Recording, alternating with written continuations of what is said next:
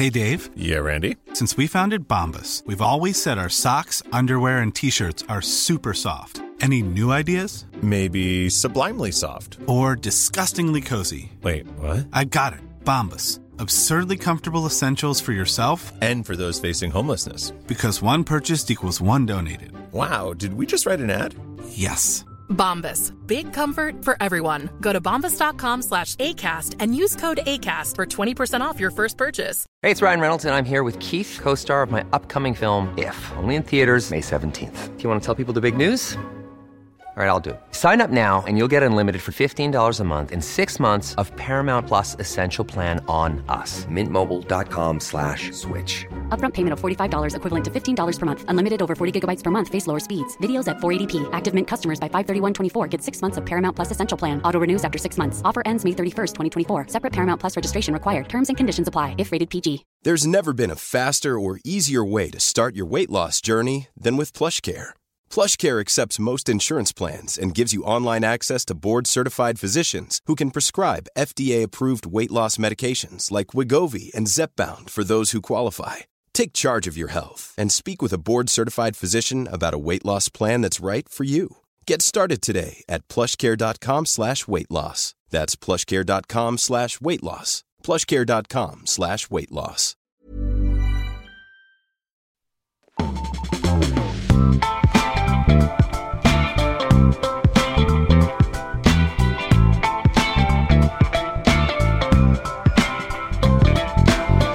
Nyhetsshowen eh, startar igång ännu en dag. Fanny Wijk, god morgon. God morgon! Vad ska du prata om idag? Jag ska prata om eh, kylan. Just det, den är här nu. Ja, den är här nu och eh, mer med det så att säga. Jag ska också prata om eh, fejkade lyxmärkesgrejer. Ja, Det är något vi gillar här i Europa visar det sig. Det visar sig det ja. Ja. Och jag ska snacka om den svenska OS-missen. Den blev ju ett faktum igår. Den pinsammaste hittills känns det som. Eller sägs det? Men ja, känns det som. Eh, sägs det. Av folk som följer detta. Sen får vi gäst också. Anneli Moran, vår klimatreporter där på GP kommer hit. Eh, Hon ska ju ner på COP28 Det ska hon verkligen. senare och vi ska snacka upp det lite grann. Eh, Det har ju varit omtalat till exempel att eh, chefen för hela skiten är en olje-VD Ja, till exempel. är det så, är det så bra? Är det så bra? Eh, Och eh, vad kan faktiskt vara bra med det? För vissa menar att eh, det kan finnas en poäng med det också. Mm. Ja, det drar igång eh, snart i Dubai COP28 alltså. Så får vi en till gäst faktiskt, eh, vår eh, filmredaktör. Ja, Maria Domelöv, vi kommer hit och pratar om eh, filmen Priscilla. Mm. Sofia Coppolas eh, nya film om Priscilla Presley. Sofia Coppola tillbaka. She's back. Mm, och hon eh, eh, har ännu en eh, kvinna i centrum. Och ännu en biografi Ännu en biografi. i den här filmvärlden. Exakt. Som vi vant oss så mycket. Sen blir det bakvagn. Jag kommer snacka om att Jimmy Åkesson inte har blivit uppläxad av Ulf Kristersson enligt SD i alla fall. Ja, Ja. och eh, om Islands statsministers eh, nya deckare. Den är ute nu. Mysigt. Jag ska prata om en ny öltrend. Varmboga. Man blir irriterad direkt. Det har Ja. man ju druckit för länge sedan Ja. av nörd och Exakt. inte tvång men nörd. Det här är med flit. Vi ska också prata lite om Spotify Wrapped. Nu kommer de. Den är här nu. Nu kommer de listorna. Då ska man stå ut. Exakt. Hur länge orkar man? Ja, nej, jag har slutat. eh, Särskilt om man fick barn är det helt hopplöst. Då är det ju Babblarnas, eller inte Babblarnas vaggvisare, men den är förstörd oavsett. Av Du- dina barn. Hur är läget annars då? Eh, bra. Mm. Själv? Bra, jag var på bio igår. Mm, just det. Det vet ju till och med lyssnarna. Min historiska vecka fortsätter med Napoleonfilmen. Jag vill bara lyfta att eh, det var en otrolig kväll att gå hem igenom Göteborg efteråt. Ah, alltså, det var så mysigt igår. snön låg, det var liksom en krispig kyla. Man promenerade så frös inte ens så mycket. Nej, men det är ju det som är bra med när det blir snö. Ja. Att det är så god temperatur då. Också bra för mig eftersom jag hade köpt godis då Mm. till bion. Vilket Vadå? inte är så Då ofta. var du tvungen liksom. att gå en promenad Ja men man blir ändå lite så... av dig, Ja, men man blir ändå lite äcklad av lösgodis eh, Va? efteråt. Godaste som finns. Skönt att gå lite i alla fall.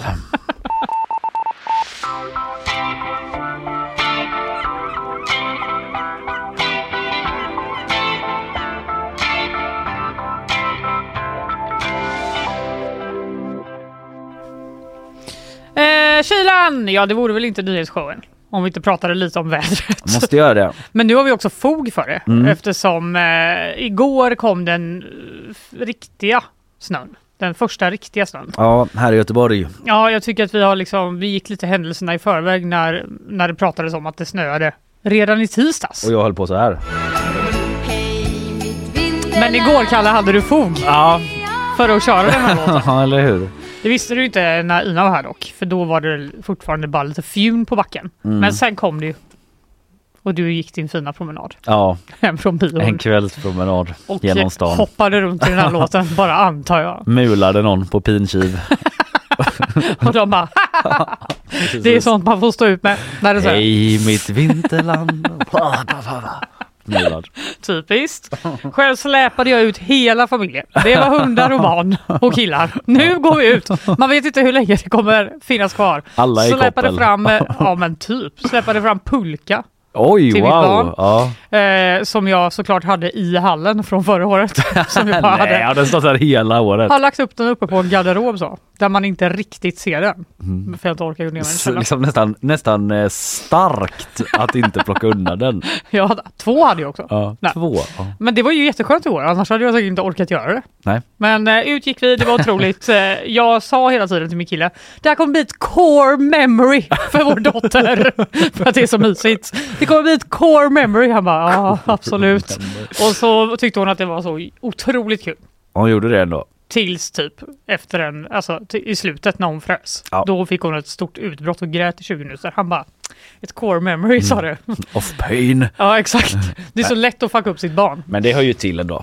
Det ska hör vara till. lite gråt och kalla fingrar och sådär. Hon fick bäras hem i en jacka. Ja. Det gick bra. Men eh, vi har ju faktiskt varit ganska blessed med vårt eh, höstväder i år.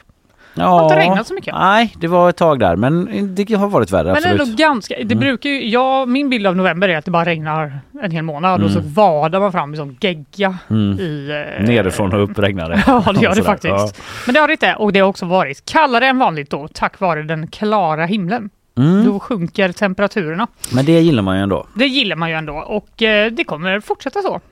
Det säger i alla fall eh, Forever meteorologen. ever? Eller i månaden? Ja. De tio dygnen som kommer här, det är så långt SMHI kan eh, se. Ja, just det. Står det i vår artikel på g.se. Och i vår senaste för alltid-prognos. Det kommer vara kallt för alltid. Ja. Eh, nej, det kommer det inte, men det kommer i alla fall vara minusgrader i Göteborgsområdet de kommande tio dagarna. Kanske lite mildare mot slutet av de här tio dagarna, men ändå. Det mest sannolika är att det fortsätter vara på minussidan, säger Mattias Lind på SMHI Slåss. Men snö då? ja, Blir det något mer? blir det mer? Nja, ett par centimeter till kan falla över vår stad. Det blir i så fall i kväll och imorgon kväll. Det finns en snöchans. Men det blir inga större grejer. Inga större grejer alltså? Grejer, mining, snö, flingor. Inga större snöflingor. Okej, men då kommer det ligga kvar lite grann i alla fall då? Det och kommer bli ligga kvar. halt och jävligt liksom och bara packas och frostas ihop. Så kan man också se det. Mm. Den Härligt. där grinchen här. Håll i lårbenshalsarna. Ja, det ute. kan det göra. Mm. Nej, men det kan det faktiskt göra. För att det var ju inte bara lycka och lek igår. Det var ganska mycket olyckor eftersom det var så halt. Eh, larmen avlöste varandra, som vi skrev på g.se, från vägarna i Västsverige. E6, E20, E45. Alla var olycksdrabbade, eh, avstängda i, till viss del. Och det manades till försiktighet i trafiken. Och om man inte har vinterdäck så ska man låta bilen stå, sa Denny Josefsson på Trafikverket. Mm. Och du vet ju Fanny att jag har vinterdäck. Ja, jag vet att du gjorde dig en riktig kraftansträngning här förra veckan. Pratade om det hela veckan, alla blev, eh, det var ju hå- liksom tjata hål i Ja, till huvudet. slut var det att alla bara Men gör det bara nu! Gå hem tidigare från jobbet och gör det. Vi kan inte jobba. Du förstör vår arbetsmiljö här med det här jävla köttet. Eh, nej, men också faktiskt ska jag säga att eh, Hans-Jörgen Ostler på eh, polisen eh, sa att förutom att hålla avstånd i trafiken och hastigheten då, så kan det också vara bra att packa ner en filt och kanske en termos om man ska ut på vägarna. För det finns så stor risk att man blir sittande i en kö. Så pass alltså. Det tyckte jag var lite så.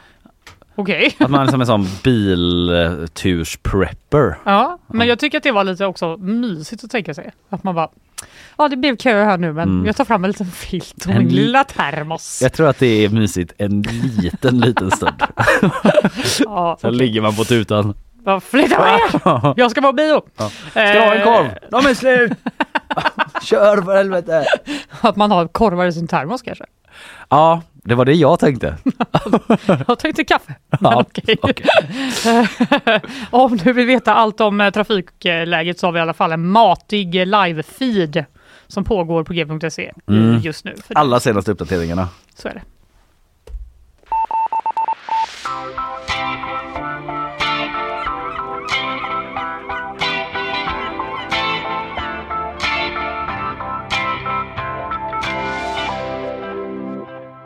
På tal om snö, eh, Fanny. Det blir inget eh, vinter-OS för Sverige och Stockholm. Nej, Inget hej mitt vinter-OS. nej just det. Nu är det inte Nu är det, här. blev det inte av. Ännu en gång har Sverige blivit ratade och den här gången är den mest pinsamma av dem alla. Nej Kalle! Det skriver Johan Esk eh, på DN, sportkrönikör där, som Aha, okej. eh, har följt många svenska OS-ansökningar. Och det har inte gått så bra och det gjorde det inte den här gången heller. Perfekt. Internationella olympiska kommittén valde att gå vidare med två andra bidrag. Det var Frankrike och eh, Salt Lake City, USA. Ja, det var de som fick förtroendet liksom att gå vidare till nästa omgång. För att man skickar ansökningar så liksom är det olika utslagsrundor då, där man tar sig fram. Känns ju spontant svårt att tävla mot Salt Lake City. Ja, och himla jättesexiga Frankrike liksom. Vad ska en liten olympisk kommitté från lilla försynta Sverige göra? Ja, Hur ska vi konkurrera? ja. En stor besvikelse är det i alla fall, säger Hans von Uttman till SVT. Han är ordförande i just Sveriges lilla olympiska kommitté. Den heter inte lilla, men Sveriges olympiska eh, kommitté. känns väldigt, väldigt tråkigt med tanke på att vi hade ett så starkt koncept. Ja, han tyckte man hade ett starkt eh, koncept. Eh, Det tyckte väl inte IOK då, uppenbarligen inte tillräckligt starkt i alla fall. Men varför var det ett så starkt koncept då enligt SOK, alltså Sveriges olympiska kommitté? Jo, eh, för det är ett koncept som bygger på hållbarhet och på att genomföra demokratiska spel i ett land som verkligen kan vinteridrott och utnyttja de befintliga arenorna. Ja, Sveriges ansökan har byggt på hållbarhet och demokrati. Att vi liksom inte ska bygga massa nya grejer utan den här gamla grejen kan vi väl åka på. De bara, det låter väl sexigt? ja, nej men precis. Det är väl liksom kanske inte det där med hållbarhet och demokrati som man nödvändigtvis förknippar stora mästerskap med nu för tiden. Det är väl allt som ska hålla på med det där. Miljö och klimat Ja. och... ja men det har ju varit mycket Kina, Qatar och Ryssland och sådana grejer. Dock är det liksom ett krav från IOK att det ska, att det ska vara hållbarhetsaspekter med. Okej. Men, eh, Men inte bara. Inte bara liksom. Sen har ju OS för all del inte varit liksom i Qatar men eh, det har ju varit i Ryssland och Kina några av de senaste gångerna och sådär. Så den här demokratiaspekten, ja jag vet inte. Man eh, kan ha olika åsikter om hur viktig den har varit i alla fall då. Men okej, Frankrike och USA då, inga diktaturer i alla fall men enligt SOK så ska man liksom bygga nya arenor där för eh, att hålla OS. Så inte så hållbart enligt eh, svenska olympiska kommittén då. Men då undrar man ju då, som nydumpade som vi är, Ja. Sverige liksom ute på, i rännstenen nu. vad är det, vad har vi gjort för fel? Varför? Berätta för oss, snälla. ni? Ja. Vad är det liksom, är det vi eller är det ni? closure. Ja men det är ju vi då. men eh, det jobbiga är att eh, Svenska Olympiska Kommittén inte förstår logiken i beslutet. Säger Hans von Uttman och då är det ju ännu jobbigare att bli dumpad när man liksom inte fattar Nej, varför. Du vet ju att vi har haft det dåligt länge. Va? Jag har ingen aning om det! Du har aldrig sagt något! Ja, lite så ja. Berätta! Samtidigt säger alla att Sverige kan ha missförstått processen. Ansökningsprocessen. Okej, nu börjar jag känna att det är pinsamt. SVT skriver det. Aj, aj, aj. Det låter ju inget bra. det verkar som vi har låter, missförstått. låter som att de, you had one job. Ja, att förstå Förstå processen. hur du skulle ansöka på Ja, OS. men den har missförståtts. Det är lite på detaljnivå här nu men jag måste ju förklara och det är så att IOKs motivering, alltså IOK, bara så alla hänger med. Ja, hänger Internationella inte med. olympiska kommittén, Ja. det är de som utser De vilka som ska bestämmer. få det. Sen har Sverige SOK, Ja, Sveriges olympiska kommitté. Ja, det är de som ansöker. Nej, Nej. men det blir liksom så man inte blandar ihop det. Men IOKs motivering då till varför Sverige inte fick gå vidare är eh, att Sverige inte kunde garantera den statliga finansieringen. Alltså att det ska finnas en ekonomisk trygghet, en uppbackning från staten då för att allt ska gå ihop ungefär. Och det fanns inga sådana garantier. Det är Nej. riktigt men Sverige trodde att det kravet inte fanns i det här läget. Utan Okej. att eh, det skulle komma i en senare utslagsrunda då. Egentligen. Men eh, vi kan lyssna här på eh, vad Hans von eh, Uttman säger. De talar ju bland annat om eh, ekonomin och säger att det inte fanns en statlig garanti och det är ju helt korrekt. Men det ska det inte göra. Nej, ska inte göra det. Eh, på den här nivån då. Det ska komma senare. Det vill säga den ligger i tredje fasen och när jag påpekade det i samtal jag hade precis innan presskonferensen eh, så håller de med mig. Så att jag, jag förstår inte riktigt den bilden. Då håller de med om det. Jag Att bara, ja, ja, senare. egentligen ska det det, men nu hade ni inte det. Nej.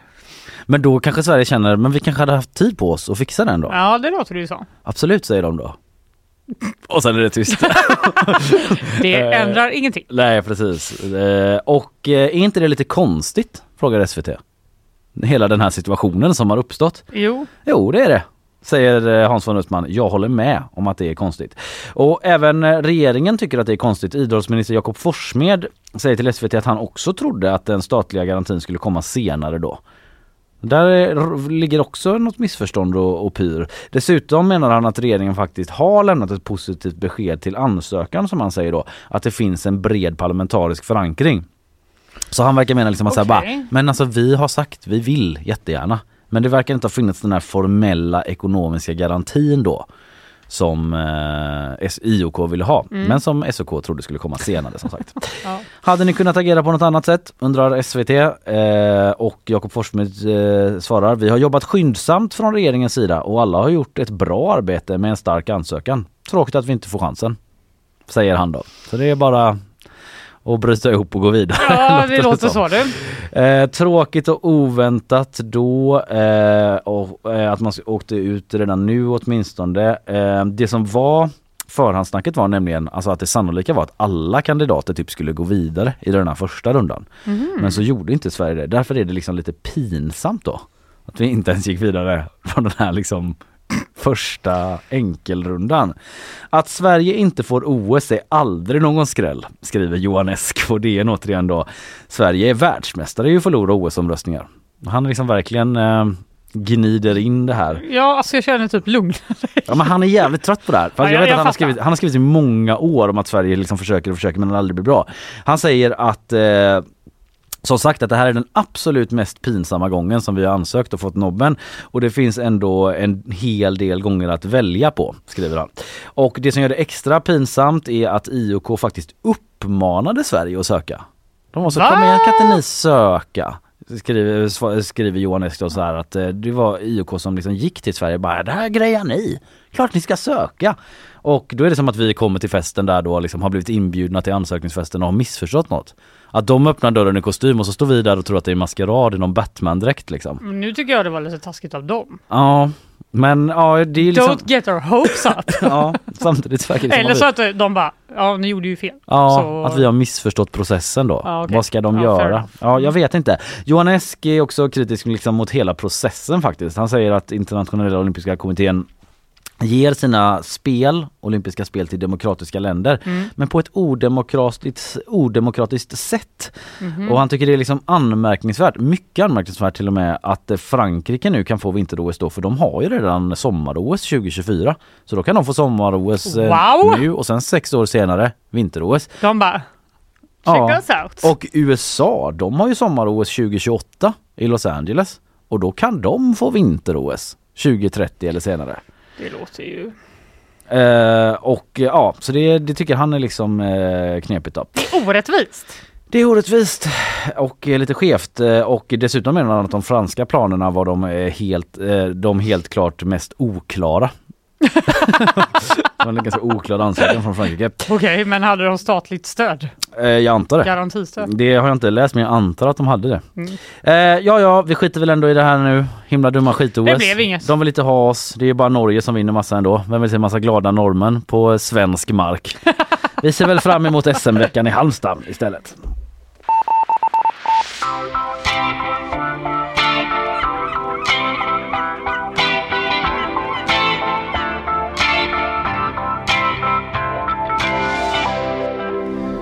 Karl berättar att Göteborg ansökte om vinter-OS 1984. Mm, och det berättade han för mig i morse. Alltså, Att vi förlorade mot Sarajevo. hur fan skulle man få ihop det med det här slasket som vi brukar ha? Nej, man skulle väl få skicka runt folk i vårt avlånga land, Jaha. antar jag. Det, Inte så hållbart, det va? snöar lite ute i Ale nu. Då får vi lägga det där och så får man köra alla, Alla bara. "Ah!" Det alltid snöar eh, Utanför stan. utanför stan. I Aldrig snö Ale. här. Vad sa du Isabella? Aldrig snö här. Nej, Men vi utan- har ju de- den här tunneln också som man kan åka till. Köra skidloppen i den här tunneln. Just det, typ i Kviberg eller? Exakt. Ja, men den fanns inte 84. Vinter-OS i Kviberg. Vinter-OS i Kviberg. Kviberg har förlorat mot Salt Lake City. Fan, det verkar som vi har missförstått det här. Ja, Eh, Säger Svenska Olympiska Kommittén. Isabella, du ska ge oss ett nyhetssvep. så är det. Varsågod. Thank you. I sista stund kom beskedet att vapenvilan mellan Israel och Hamas förlängs. Den eh, tidiga överenskommelsen gick ut här under morgonen och indikationer hade kommit från Qatar som medlar i konflikten att det skulle bli en förlängning. Men beskedet dröjde alltså till sista stund. Kravet från Israel var att 10 gisslan skulle släppas mot 30 palestinska fångar. Hamas meddelade under natten att man kommit med budet att släppa sju kvinnor och barn samt tre avlidna gisslan. Något som Israel avvisade. Exakta detaljer i den nya överenskommelsen återstår att se men Israel har tidigare sagt att man kommer förlänga eldupphöret så länge Hamas dagligen släpper tio gisslan. Vapenvilan pågår nu i 24 timmar och kan förlängas. En ny unik förlossningsenhet ska öppna här i Göteborg. BB Gårda ska bli Sveriges första barnmorskeledda förlossningsenhet och satsningen hyllas i sociala medier. Det är vårdbolaget Barnmorsketeamet som idag är profilerade inom hemförlossningar som ligger bakom initiativet och tanken är att man ska jobba med så kallad kontinuitetsvård där man har en barnmorska under hela graviditeten. Men Västra Götalandsregionen är kritiska till initiativet. Delvis hade man ingen information i regionen om satsningen. Det säger Anna Hagman som bland annat jobbar som förlossningsläkare i regionen. Hon säger också att det finns en oro att man startar en förlossningsenhet helt utanför sjukhuset utan att kunna erbjuda till exempel läkare vid akuta situationer. USAs tidigare utrikesminister Henry Kissinger har avlidit. Kissinger var utrikesminister under president Nixon och president Ford mellan 73 och 77 och är bland annat känd för att ha öppnat upp de diplomatiska förbindelser mellan USA och Kina, men också nedrustningssamtalen med Sovjet under kalla kriget. I egenskap av USAs fredsförhandlare fick han också 1973 ta emot Nobels fredspris efter att man slutit ett fredsavtal med Vietnam. Något som kritiserades eftersom priset gavs ut samtidigt som kriget pågick. Kissinger dog i sitt hem i Connecticut och han blev 100 år gammal. Ja, en omstridd man får man väl säga. Så är det. Om Henry Kissinger ändå. Ja, det får man säga. Det är liksom eh, före vår tid. Men det fanns ganska, jag har inte, hade inte så bra koll på Henry Kissinger. Men eh, det fanns ännu mer intressant att läsa om man vill läsa på gp.se. ja, det kan jag verkligen eh, Mm. tänka mig. Jag är ju djupt nere i amerikansk eh, politisk historia nu eftersom jag lyssnar på en podd om JFK. Det är ju 60 Just år det. sedan han eh, mördades. Jävlar vad jag, det, chatttråden går varm om olika konspirationsteorier eh, med mina vänner. Jag Lite bara, om mig och hur jag har det. Ja, inte, vi är inte med i Vi det. bara, nej. Håller Känner avstånd. inte till. Nej, det får jag se. Jag kanske kan starta upp en för redaktionen här också. Nej, om, om JFK. Hej hörni!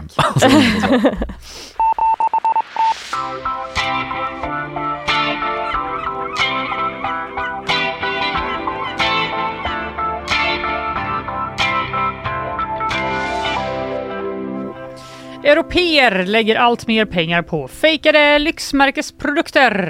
är det så alltså? Så verkar det verkligen vara enligt en rapport från EUIPO. EUIPO? EUIPO. Ah, skitsamma, det är motsvarigheten till Patent och registreringsverket. Fast i Fast EU. hela EU. Exakt. You're excused att du inte liksom har järnkoll på det. Nej, Och jag med. Alltså, eh, ni alla som lyssnar på det här, det är okej. Ja. De har i alla fall gjort en rapport som eh, jag läser om på SVT eh, Kulturnyheterna och den visar då att Visserligen har tullen beslagtagit lite färre fejkade varor 2022 än eh, tidigare, men, Men de- till ett större värde. Just det, det är inte att de är större. varorna. varorna. Mycket större väskor. Nej, Okej, men de är dyrare alltså? De är Mm. mycket dyrare och den här siffran gäller hela EU och inte specifikt för Sverige säger Peter Hedin som är piratkopieringsexpert på Patentverket till Mm. SVT. Han säger vanligt, vanligast är konstigt nog förpackningsmaterial. Va? Och sen förklarar han inte vad han menar med det och han får inte heller någon följdfråga. Så jag vet inte riktigt vad han menar. Att folk Jag- köper det? Typ lådor då. Ja. Fast eh, piratkopierade En låda som det står. Chanel på. Typ. Ja. Ja, jättekonstigt. Vilket han ju också sa. Ja. Det är jättekonstigt. Men eh, det ökade värdet beror inte på det då, utan det beror på att eh, man köper typiska modevaror. Mm, Som mm. klockor, skor och kläder. Okej. Men eh, hur stor business är det här då, Peter? Frågade SVT eh, Nyheter. Den är ju enorm. Eh, I, eh, om man tittar globalt så kom OECD ut med en rapport för ett år sedan ungefär. Och där kunde man konstatera att om jag inte missminner mig så pratar vi om ungefär 5 000 miljarder kronor som det här omsätter med piratkopior. Ursäkta? 5 000 miljarder 5 kronor. 000 miljarder kronor. Mm. Det är ändå ganska, det är ju som den, eh, någon säger fel. Ja, precis. Alltså det lät som så en sån fel SD-felsägning Exakt, va, Ja. det kan inte stämma. Men det verkar stämma då för hela Europa. Eh, varannan ung europé, det vill säga personer mellan 15 och 24 år, no offense, Tackar, tackar. tycker att det är okej att köpa piratkopior om originalet är för dyrt enligt då eh, EU-IPO. Ja, det är en Eh, rolig motivering på ett sätt. Jag tycker också det, för att eh, ja. om du vill ha en märkesväska liksom, från Ja. ett typ anrikt lyxmodevaruhus, då får du betala typ 30 000 Ja. minst. Mm.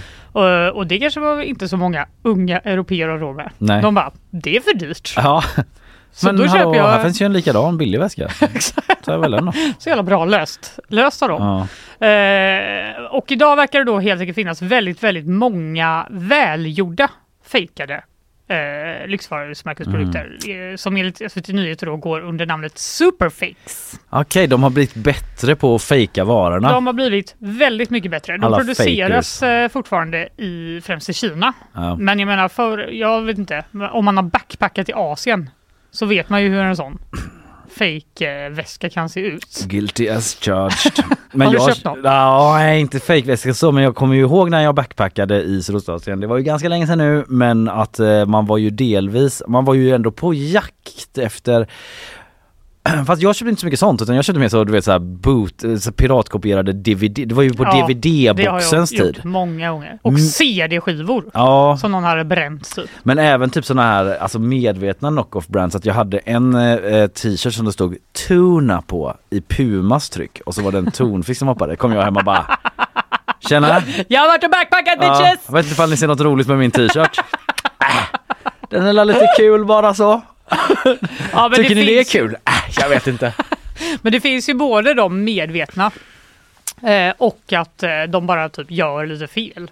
Alltså att det är så här nästan en sån eh, Mm. Prada-print på typ. Men det nu sker inte de misstagen lika ofta då kanske? Nej, eh, New York Times har skrivit ett matigt, matigt reportage om detta. Inside the delirious rise of superfake handbags är rubriken. Och i den här artikeln så konstaterar man då att nästan ingen kan se skillnad på en 10 000 dollars Chanel-väska och en 200 dollars knockoff Nej. av samma. Det är så svårt. Det är liksom, du måste verkligen in och kolla på detaljerna. Mm. Men om någon bara har den liksom på axeln så är det nästan ingen som kan se. Nej. Och eh, då försäljningen av de här väskorna verkar ske mest på Reddit. Jaha. Där blir man då eh, betygsatt på olika sätt som försäljare och eh, de är inte billiga de här fejkväskorna. Alltså, så de kostar inte 200 spänn utan det, de kostar liksom mellan 10 och 20 procent av originalpriset, så några tusen. Ja, ja, det kan Ändå. ändå vara 2-3 tusen sådär liksom. Mm. Exakt, men då är det ändå 3000 istället för 30 000. Så, Mm. Och om de är så bra kvalitet att ingen kan se skillnad så tycker folk då ändå att det är en bra affär man gör helt enkelt. Eller så tar man bara en sån bra kasse från en bokhandel och lägger sina grejer där. Vet du att jag såg på TikTok någon som gjorde om en sån kasse från eh, typ Louis Vuitton och Aha. satte plast runt hela så det blev som en väska. Och bara. Jaha, Så det kanske är det som är förpackningsmaterialet. kanske. Eh, Dennis Dahlqvist, SVTs modeexpert, han menar i alla fall att det här är ett hot mot lyxmärkesindustrin då, som dessutom höjde sina priser rejält under pandemin. Han säger så här. Men nu när det är 7 miljoner kineser som tillverkar varor i Kina och skickar hit dem, då är det inte roligt längre. Inte roligt längre. Nej, Nu när det är sju miljoner kineser som skickar varor hit. Man bara okej. när det var två miljoner kineser. Då var det helt okej. Då kunde vi skratta åt det lite grann. Ja exakt. Vad de håller på där borta i Kina. Vad de håller på Nu där men borta. vad de håller på där borta i Kina. Ja exakt, men han säger att när de gjorde sämre kopior så kunde man liksom se mellan fingrarna. Men nu är det så här en sann konkurrent till dem. Mm. Men är det ett brott Ja, att hålla på med det här? Kan du gå in och surfa in på Reddit, Kalle? känns eh, som att det är ett brott. Eller att Eh, göra dem i alla fall. Men lo, jag låter dig Exakt svara istället. så är det. Det är olagligt att sälja Ja. fejkade produkter i Sverige. Eh, I Frankrike och Italien så kan du tydligen åka fast för att inneha en fejkad märkesväska. Va? Det kan du inte göra i Sverige. Det är helt lagligt att köpa dem. Eh, som privatperson begår du inget brott om du inte ämnar att sälja eller göra en kommersiell verksamhet, säger Peter Hedin på Tullverket, men han understryker att genom köp så stödjer du ju en kriminell verksamhet Mm. indirekt, så då får du ha det på ditt samvete. Och eh, utöver lagen så säger han också att det finns en risk att den fejkade varan är farlig. Eh, De har inte kontrollerat så att de håller EU-standard, säger han. De räknar upp eh, exempel som eh, giftiga material och blodigt dun som kan sprida smitta. ja. Oklara arbetsförhållanden också misstänker jag för de som gör de här väskorna Exakt. i Kina. Eh, än så länge är det helt enkelt en, eh, någon slags moralisk, moralisk brott Ja, att köpa en precis. sån med. Man går runt nere på vad Sentan och visar upp sin vackra väska Mm. och känner att jag ser otrolig ut men det känns inte rätt. Är det så lite tankarna kan gå kanske? Så, tänker, så går mina tankar. Ja. Mm. Det, var det. det var det. Det var det hela. det var det med det.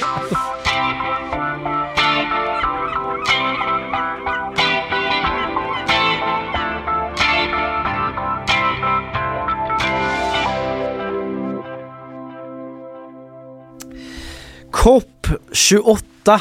Vi är framme i den eh, 28 åttonde upplagan Fanny. Ja så är det. Det börjar nu och eh, en som ska åka dit det är ju eh, Sultan Al-Jaber men också Anneli Moran, vår reporter på GPU som kommer täcka detta och eh, hon kommer hit eh, till studion nu alldeles snart och vi ska tala just eh, om eh, faktumet att mötet hålls i Dubai, att presidenten för mötet också är statlig oljebolags-VD men också vilka som är de stora frågorna självklart som är Mm. de som man kommer tampas med under eh, mötets gång. Häng kvar!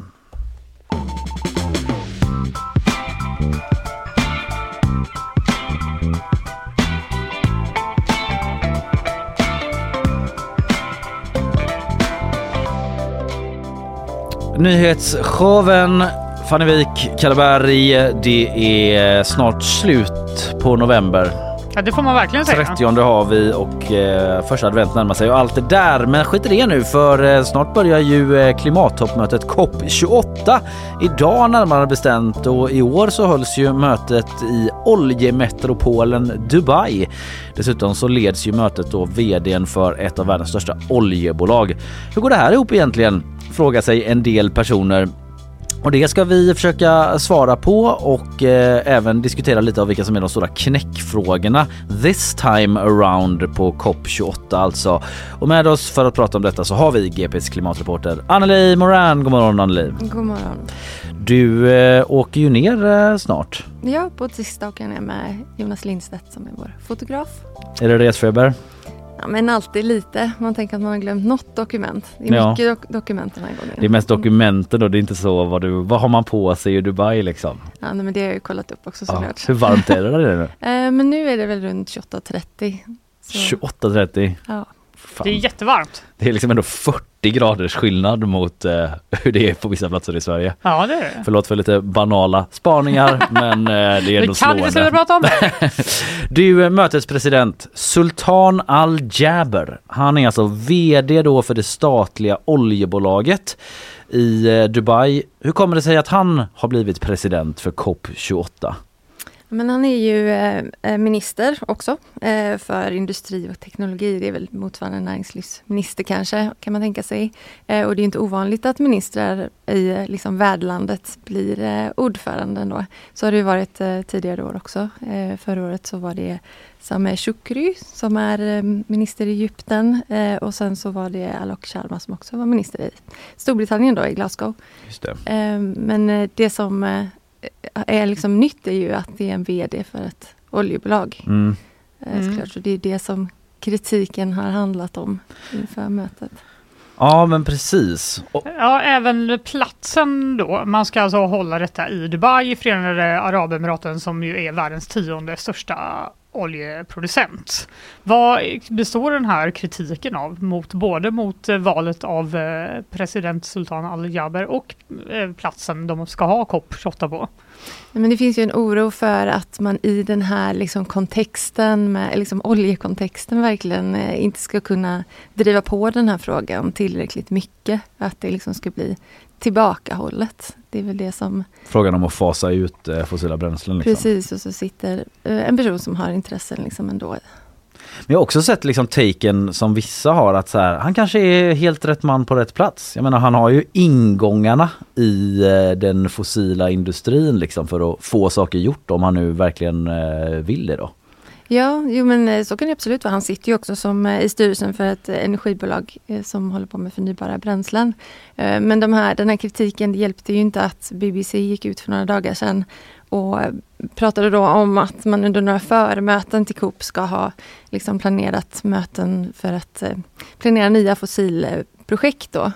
Eh, sen så gick ju ordförandelandet ut och dementerade detta också eh, Sultan själv då. Mm. Eh, Men att enligt BBC så bara vi kanske kan eh, passa på när alla ändå ska hit och sälja lite. Ja men att det, var, det skulle vara möten om olja och naturgas då, sån här flytande naturgas, eh, Ja. LNG, att man skulle haft det. Men, ja, men som sagt, det, de förnekade ju det där. Men det, det spädde ju på den här kritiken som fanns redan. Ja men jag tänker på det, alltså nu är det Dubai och eh, förra gången var det Egypten och, och det var Coca-Cola som var stor sponsor den gången. Det pratade vi om med dig när du var här då. Eh, liksom och eh, ja, det har ju liksom omgärdats av en hel del kritik då från klimatorganisationer och människorättsorganisationer dessutom. Vad, vad, vad tänker du om liksom varumärket eller förtroendet för koppen liksom?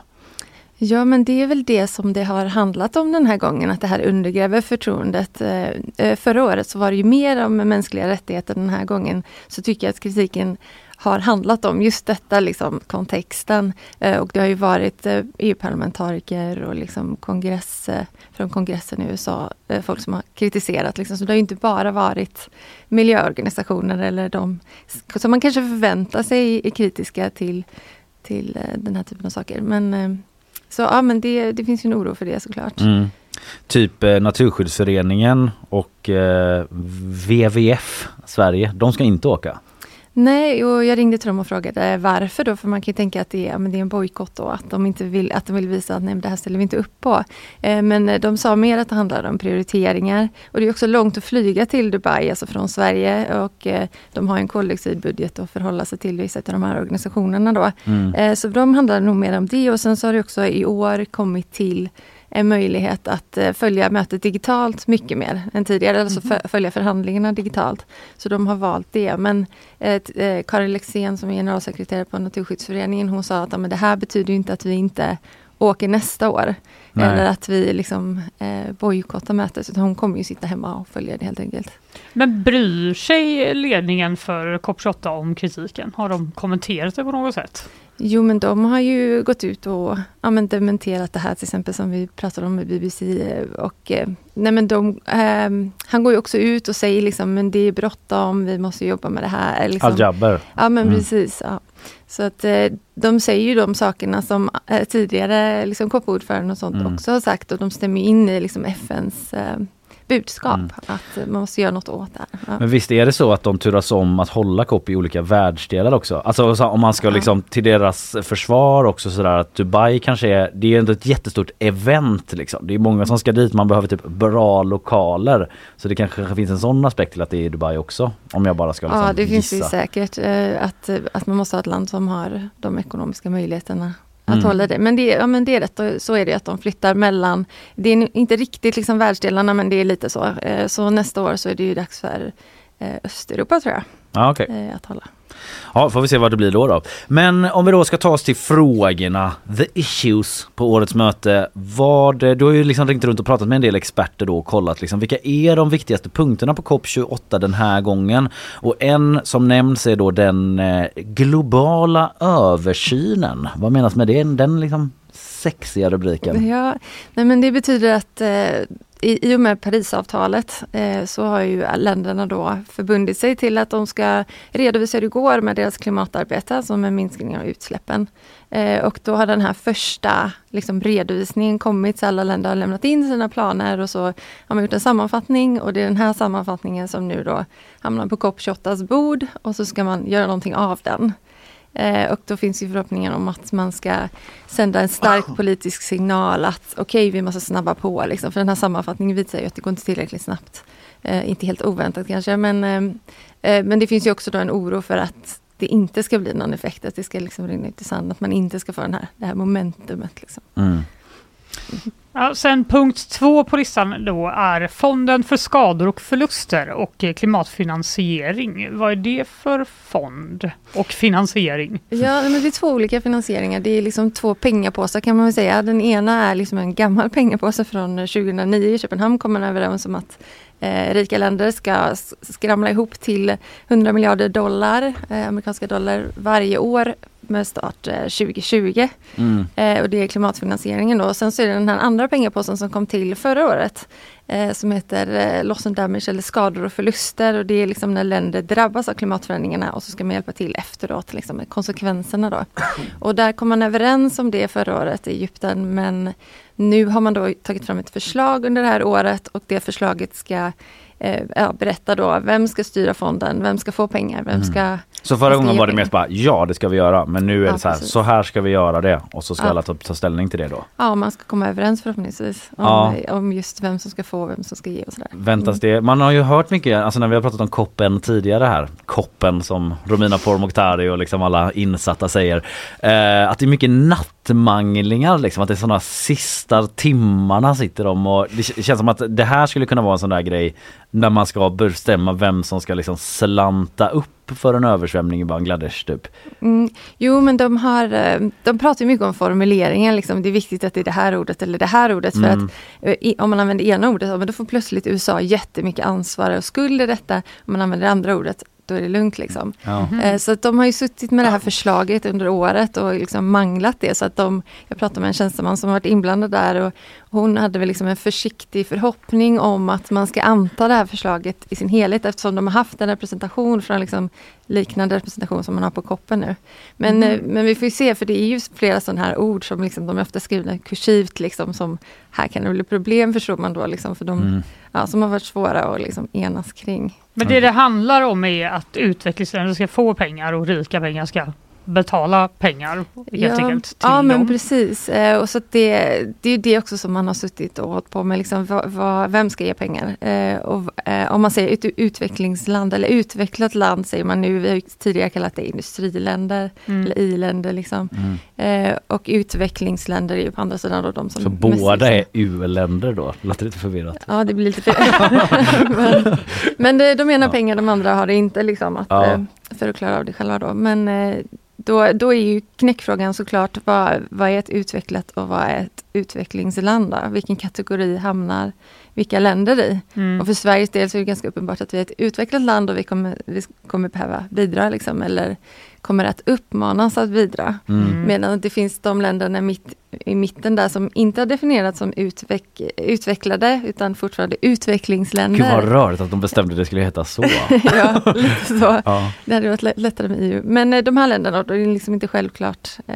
Men typ att Saudiarabien är ett eh, Ja, nu kommer jag inte ens ihåg. Ett Utvecklingsland. U-land som vi sa förr liksom. Ja. Eh, hur kan de hamna där? De har väl gör mycket pengar i alla fall liksom. Jo men det har de. De är inte världens största ekonomier men mm. Eh, det, det, det, här, den här definitionen som många liksom hänvisar till eller tittar tillbaka på är ju från 1992. Eh, och det har ju hänt en del sen, vad blir det, 24 år liksom. ja särskilt där, vadå? Det är väl liksom eh, en ja. utveckling som världen aldrig tidigare skådat. Typ. Ja och sen så är det ett annat land som också är med i den här gruppen som, ja men de är inte så sugna på att bidra kanske men, eh, men resten av av eh, världen är sådär, ja men ni, ni behöver bidra, Mm. är ju Kina liksom. Ja.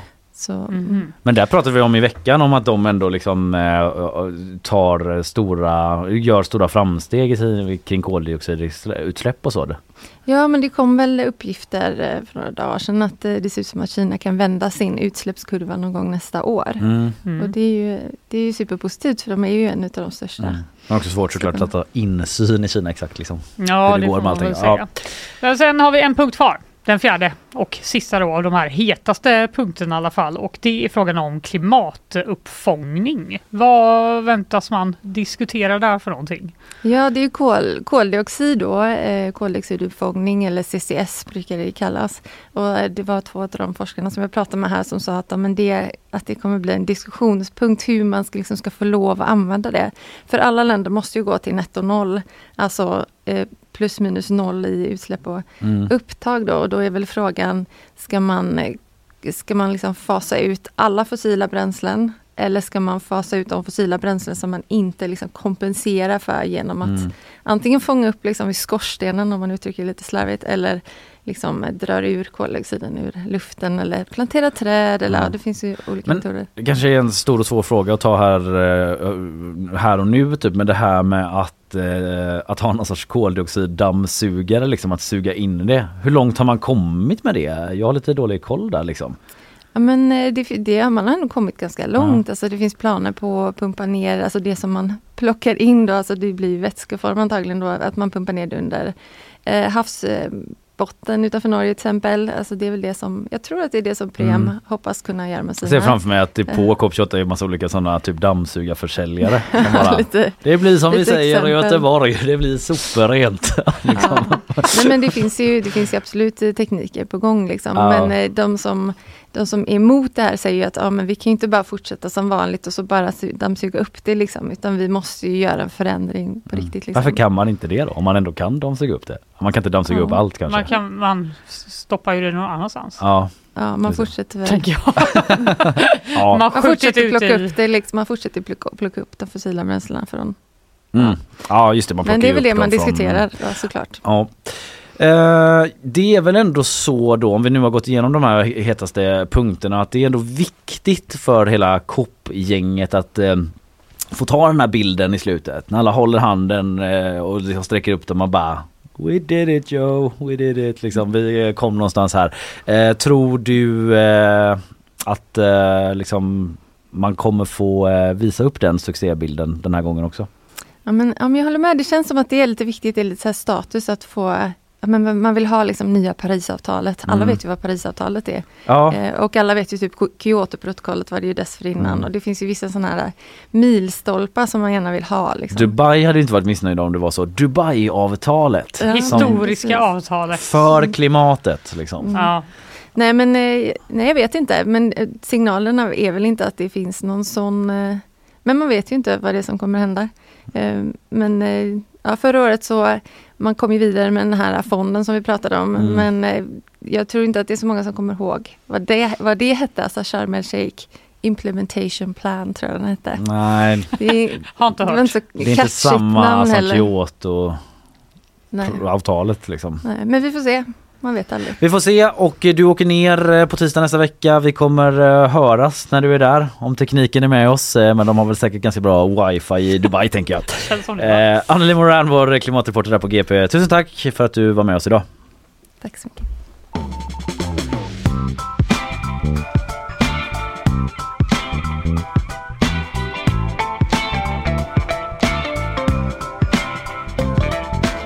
Dida du, Dida-do-di-do. daddy hej da di. Ja, lite så brukar jag tralla ibland på den här låten. Eh, Men nu är Isabella Persson här så då är det färdigt med det. Vad ska vi prata om nu Isabella? Bara sport, bara sport. Bara massor utav sport. Underbart! Har ni sett vädret ute? Eh, jo tack. Typiskt sportväder va? Ja, Det beror på vilken sport. OS. Det hade varit i år vi skulle haft det i Göteborg. En, under en hel dag. Kommer ni ihåg den dagen vi hade snö? Ja, Ja. världens stressigaste OS. Ja, Flytta på er för nu kommer curlarna! Ur spår! Det, det pågår fem lopp samtidigt. Det ska vi undvika. Eh, eller det kanske blir så eh, på Gamla Ullevi ikväll då. För det ska spelas fotboll på Gamla Ullevi ikväll. Just det.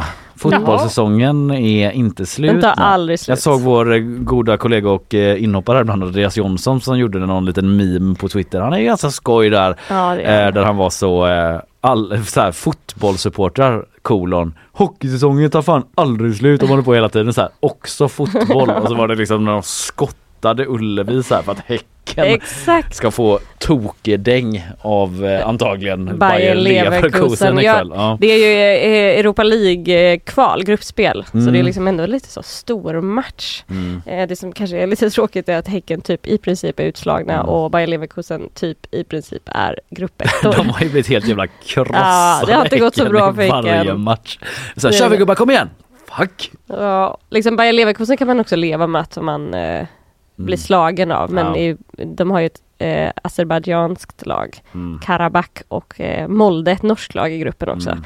De krossar oss också. Ja, den var tung. Ja, men eh, just Andreas Jonsson var ju på plats och såg Häcken tränade ju igår på Gamla Ullevi, sista träningen inför den här matchen. Och då Ja. såg man ju de här bilderna så då, bara skottade undan snön bara för att det skulle gå att spela fotboll där. Ja. Eh, det går att se eh, videos på det på GP och på GPs Instagram också finns det. Där Mm. man ser hur de så kämpar. Men eh, de verkar vara taggade ändå. ja, lycka till med det Häcken. Eh, 21.00 spelas den här matchen och eh, det ska, jag gick in och kollade på SMHI. Det ska vara minus två grader. Mm. Kännas som minus sju.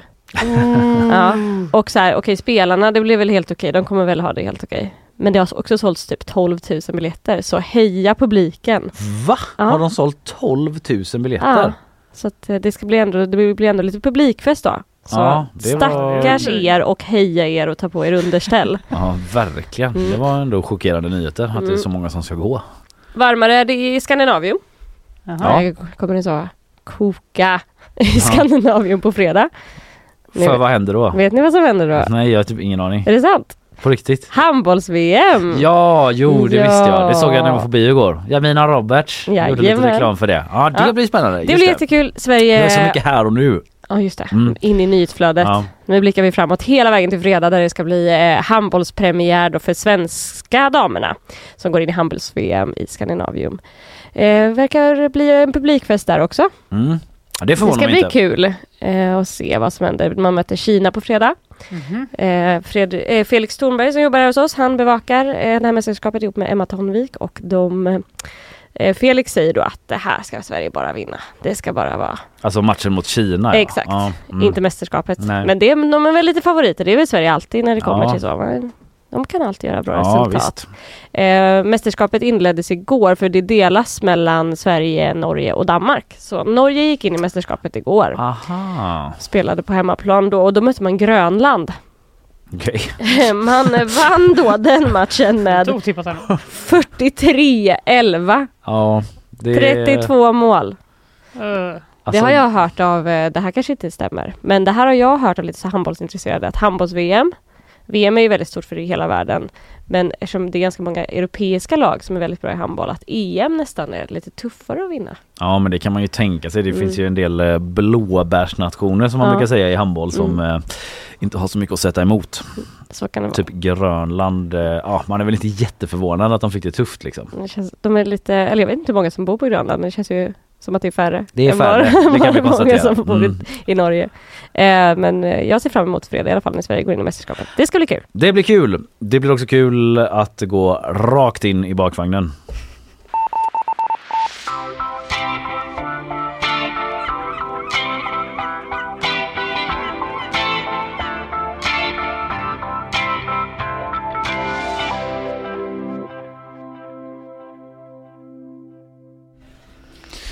Igår kom den Galle. Rapporten vi alla väntat på. Årssammanfattningen som ingen kan få nog av. Eh, Jag pratar om Spotify Wrapped. Ja, folk är som tokiga. De är så Det är tokiga! att få dela med sig i, om eh, vad de har lyssnat på. Exakt, det är ju helt enkelt en sammanfattning som Spotify gör av vad man har lyssnat på eh, för musik under året Ja. som har gått. Om någon har missat detta. Ja, exakt. Är du ett fan? Eller stör du dig? Alltså jag stör mig väl lite på, ah, men vet du vad, jag tycker typ, jag ska inte bara liksom ta den enkla vägen och typ roasta det. Det är ändå typ lite kul att se vad man har lyssnat på. Alltså statistik över ens liv. Jag Ja. hade liksom gärna haft mer statistik över mitt liv. För privat bruk liksom. vad, liksom hur mycket har man gjort? Hur mycket har, vad har man kollat på mest och liksom vad har man lyssnat på mest inte i andra appar och sånt Det är liksom. lite konstigt att det inte är Varför gör inte Netflix det typ? Netflix Wrapped liksom. Ja, Nej, det kanske kommer. ett tips. Tips till Netflix. Eh, det som är störigt är ju, alltså jag kollar ju givetvis min egen också, men Ja. jag delar ju den inte. Nej, och det vem är är ju det som det. delar den? Jo, det är de som är de coolaste coola. Ja. Som bara, kolla på min lista, jag bara lyssnar på massa konstig musik hela året. Jag kunde ju inte dela min förra året även om jag hade velat. Nej, det hade blivit exakt. för pinsamt. Eller så är det de som eh, koketterar med hur pinsamma de är. Som är Ja. så, kolla jag bara lyssnar på Crazy Frog hela året. Och det är också precis. störande. Det, är inte, det hade inte varit pinsamt, det hade bara varit så här irrelevant för att det är massa barnmusik liksom. Ja, det är inget det- som jag står för, men mina barn gör det. Då skulle du behöva hänga ut dem. ja, Eh, Jag hade en ganska generisk lista som vi inte behöver prata om heller. Det var inga överraskningar så sett. Det var det inte på din heller låter det som. Alltså jag har inte ens kollat i år. Va? Jag, vet, jag vet inte, ska vi göra en sån eh, Kalles Reveal? reveal? Ja, gör det. Men jag har inte, min mobil ligger ju där ute Har du tyvärr. inte Spotify på din dator? Ja, jo det har jag väl i och för sig. Ja, fortsätt du prata så tar jag fram det här. Det Ja, eh, oavsett eh, vad som är på våra listor så har ju såklart Spotify själva gjort en eh, sammanfattning av vad svenskarna har lyssnat på Mm. mest. Och för andra året i rad så toppar en låt av bolaget Spotifys eh, svenska låttopplista. Bolaget. Ja, jag känner ju till eh, dem, men jag kan inga låtar. Men det är någon sorts, eh, är det lite epa, dunk, eh, tjo- tjosan eller? Måste säga att jag har väldigt svårt att eh, avgöra vad det är. Och jag var tvungen att lyssna på den här låten då som toppar eh, de mest spelade låtarna i Sverige. Ikväll igen heter den. Eh, här inne innan vi började sända och jag blev så chockad att jag var tvungen att ta ut ett ljud. Ja. Vi lyssnar på det här. lovar dig att jag mår bra när jag ser en bar Men jag kan inte gå, ingen fattar hur jag mår Jag är fucked up från igår What? Ja, eller hur? Först var det som sån eh, mys i hovet Ja. och sen blev det typ eh, Takida stiftelsen helt Ja, plötsligt som kom in och bara exakt det jag tänkte också. Jag Men, men det är mycket att man super en hel del och att det, Det är alkoholromantik. Väldigt mycket en låt om eh, att man är asfull. Och så heter de eh, bolaget också. Och så heter de bolaget och så är det så, du kan tro att jag gillar en bar. Jag är inte fuckad, bla bla bla. De är från Falun Mm. och eh, de har från, som första artisten någonsin fått både andra och första platsen över de mest spelade svenska låtarna. Mhm. Så det är ändå någonting. Framgångsreceptet stavas låtar som man vill sjunga med i, säger Johan, Johan Sydenfors som är någon slags chef på Spotify här. Mhm. Eh, det är lätt att eh, bagatellisera musik som låter enkel, men någonstans så träffar de rätt i den här generationen. Uppenbarligen. Well, well, well. Mm. Har du öppnat in här? Ja men jag har det. Hej du, säger Spotify till mig. De har ju, de har ju ett sånt jobbigt eh, tilltal minns jag nu från Jag förra vet. året. Där Att är de ska vara så här. Nej, nej, nej. De här, ja men precis. Eh, Ja vi, får- vi får se hur bra det här blir då liksom. Men så här, 2023 frossade du i musik. Ja, okej. Okej, tack så mycket Spotify. Vad lyssnade du mest på? Alltså så här, paus. Eh, det är fake news. Jag frossade inte i musik Hur många, 2023. mus- hur många minuter hade du? Eh, det vet jag inte. Kommer det här eller? Ja. Är det här bra radio? Att vi långsamt går igenom min Spotify Wrapped? Det, det har någonting, men jag är inte säker på eh, att det är Det liksom beror på hur långsamt det kommer fortsätta Okej, gå här. mina mest spelade kategorier. Men det är så jobbigt för man kan inte hoppa i det. För att det är en jävla film liksom. Jag Ja, men du kan hoppa, du kan scrolla framåt. Ja just det. I år har din musik fört dig till många olika platser. Nej, men det här eh, blir för dumt. Ja. Ja. Okej, det kanske inte går att göra det här då. 2000, 3000 låtar 2023 spelade jag. Mhm. Eh, och den låt som verkligen var min eh, låt i år det var Arvid Nero och Monica Mac. Men det var då. Men då får man också komma ihåg att eh, vi delar på den här spellistan. Så nu hänger jag ut min tjej här ganska mycket. För att, eh, det, Du vill inte ta ansvar för det här? Nej, jo det kan jag väl göra. Det var fan, det står att jag också frossar i musik. Ja, de säger det till alla liksom. Så där säger ni till alla. 3000 låtar. Ja, Nej, vi får väl återkomma tror jag till eh, eh, min Spotify Wrapped eventuellt på vår eh, Instagram. Ja, det kan vi Eh, kanske göra. För det här blev lite väl långsamt. Ja, jag. men jag har mer saker att säga som inte Ja, handlar om det? dig, Kalle. Nej, det okej, handlar om eh, andra saker. Eh, bland annat att Hovet är mest spelad artist. Men det syns inte för att deras låtar kommer inte med då på den här listan med tio mest spelade. Sen är det också Einar. Han är fortfarande jättestor.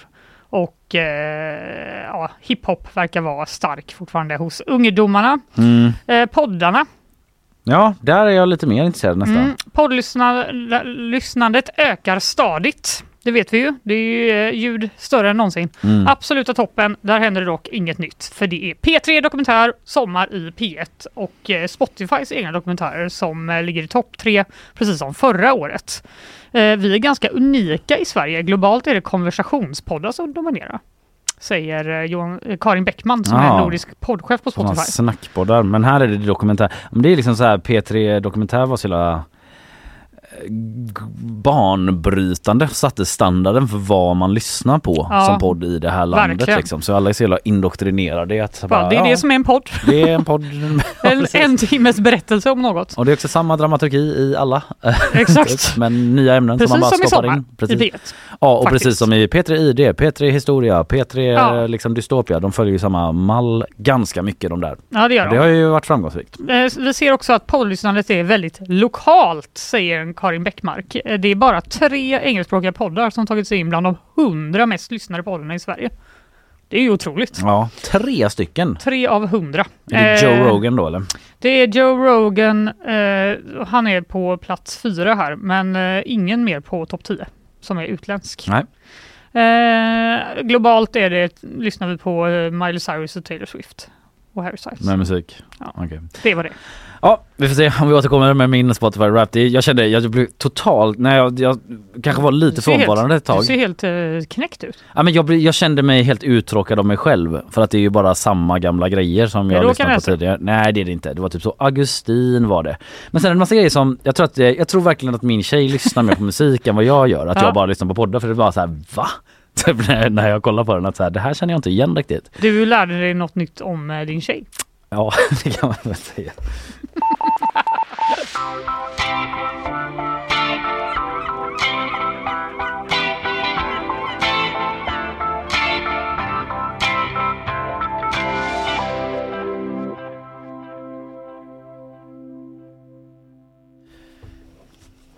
Okej Fanny, vi ska få besök i studion. Eh, det är ju liksom i höst och vintermörkret ständigt eh, nya filmpremiärer. Det har varit Killers of the Flower Moon, det har varit Napoleon som jag var och såg eh, igår. Det är liksom lite, eh, på tal om Napoleon, liksom så här eh, biopic eh, Mm. trenden håller i sig liksom att blicka tillbaka genom historien och imorgon är det premiär för Priscilla. Mm. En, eh, ett biografiskt kärleksdrama då som skildrar eh, den mörka sidan av Elvis Presley och Priscilla Presleys relation.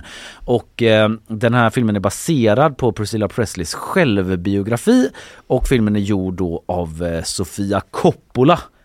Den mycket omtalade regissören, eller vad man nu ska rama in henne, det kändes inte riktigt rätt. Men hur bra är filmen egentligen? Vi ska snacka om den här nu eftersom den är mycket omsnackad eh, redan. Och eh, med oss har vi GPs eh, filmkritiker Maria Domelövik. God morgon eh, Maria! God morgon, god morgon. Hur... ehm, du såg filmen igår. Ja, det gjorde jag. Vad säger du om den? Ja, jag måste säga att jag tyckte att den var väldigt eh, berikande och eh, bra. Alltså, en del kommer säkert att störa sig på att den är så otroligt snygg och elegant och distanserad. Mhm. Men eh, jag tyckte att det där eh, greppet, som är också väldigt typiskt för Sofia Coppola, passade perfekt in i. Och den Kan du beskriva det lite mer? Hur då distanserat? Och... Ja, vi får ju se...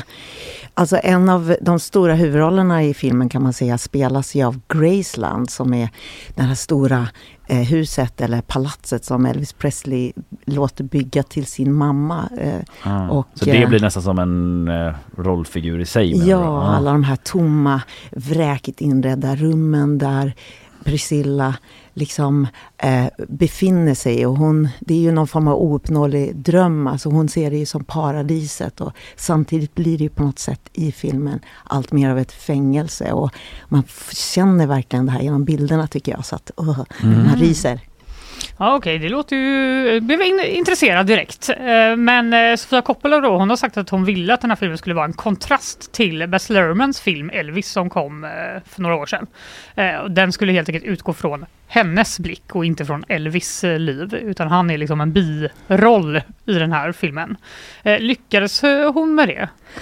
Ja men det tycker jag att man eh, verkligen kan säga. För jag såg ju Elvis, Baz Luhrmanns Elvis förra året och den är ju extremt fokuserad på musiken och, och myten om Elvis Presley, det musikaliska geniet.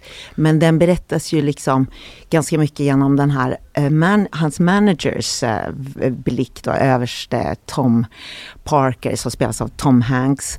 Just Så eh, Elvis framstår ju ganska mycket som ett eh, offer här och, och eh, liksom en lättförledd, lättmanipulerad person. Här kommer Sofia Coppola och, och Priscilla där är ju bara absolut en parentes. Alltså. Mm. Men här får hon berätta en annan bild av den privata personen eh, Elvis Presley som inte bara är ett offer utan också på något sätt en förövare. Alltså hur, ja, hur skildras deras relation då i filmen? Ja men om man eh, man får följa då liksom hur de träffas på en eh, amerikansk eh, flygbas 1959. Då är hon liksom en väldigt blyg och introvert och försagd 14-årig skolflicka. Mm. Och han är 14-åring? Ja, och han är 24 och han är, står redan på, eh, han är redan eh, en fixstjärna i USA och har eh, flo- horder av skrikande fans och han, med, han gromar ju henne liksom och det blir liksom en regelrätt uppvaktning där hon liksom hon har ju aldrig varit med om något liknande. Hon får sin första kyss, hon får sin första guldklocka. Hon, liksom, ja, det och, väntar eh, man fortfarande på. in, innan, Ja. innan eh, alltså ganska snart har hon också flyttats då bort från sina föräldrar i, i Tyskland till USA. Och hon blir ju enormt beroende väldigt, väldigt snabbt av den här personen Elvis och eh, han blir också mer och mer lynnig och våldsam och kontrollerande Mm. Eh, på ett sätt så hon blir ju väldigt medberoende i den här relationen väldigt snabbt. Men jag tänker att den här eh, relationen väckte ju viss uppståndelse på grund av då åldersskillnaden. Som sagt, hon var 14 och han 24. Det hade ju inte riktigt flugit idag om någon hade tagit sig en fru som var liksom 14 när de träffades. Nej. Eh, hur liksom adresserar man den frågan i filmen? Nej, men jag tycker att det är det som är en av de stora poängerna, hur det lyfts fram. Att, eh, att det faktiskt var på det sättet. Och det är någonting som inte direkt har poängterats i Elvis eh, karriär. Att, eh, och han, det är också allt det här som, som handlar om eh, eh, vilka olika villkor som gäller för deras relation. Han, han åker iväg på turné och där är han liksom notoriskt otrogen med olika stjärnor i filmerna och backstage och det skrivs om det i alla veckotidningar och magasin och det blir super ru, stora rubriker. Medan hon, hon ska vara hemma och vänta på honom. Hon får inte ha något arbete och hon får absolut inte ha några egna liksom, relationer vid sidan av utan det, det blir den här double standarden och, Mm. och på så sätt tycker jag liksom, det är så tacksamt med de här stora fixstjärnorna som Marilyn Monroe eller Elvis Presley. För att genom att använda dem som projektionsyta så kan man berätta ganska mycket om det amerikanska samhället. Mm. Och, eh, och den, den eh, bristen på jämställdhet som, som finns och som fanns Mm. där. Idag eh, är hon eh, 78 år och Priscilla. Hon var på plats i Venedig när filmen hade premiär där. Hur... Ja, det eh, ja, hon eh, ska ha varit mycket rörd förstår jag. Ja, hon är, och hon har liksom, hon har bara superlativ eh, på rad. Och, och, Hon älskar om- filmen, Ja, hon liksom. Mm. älskar den här filmen. Eh, och eh, tycker verkligen att eh, eh, Sofia Coppola har, har, eh, har fört fram det hon vill säga i sin självbiografi.